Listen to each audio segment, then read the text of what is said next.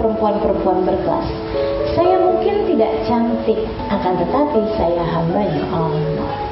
Saya tidak akan mencari cinta siapa pun dengan mengorbankan cinta saya kepada Allah. Saya memang tidak kaya, tapi tenang bersama dengan saya ada zat yang maha kaya. Saya tidak akan pernah meninggalkannya. Dia akan selalu ada di hati saya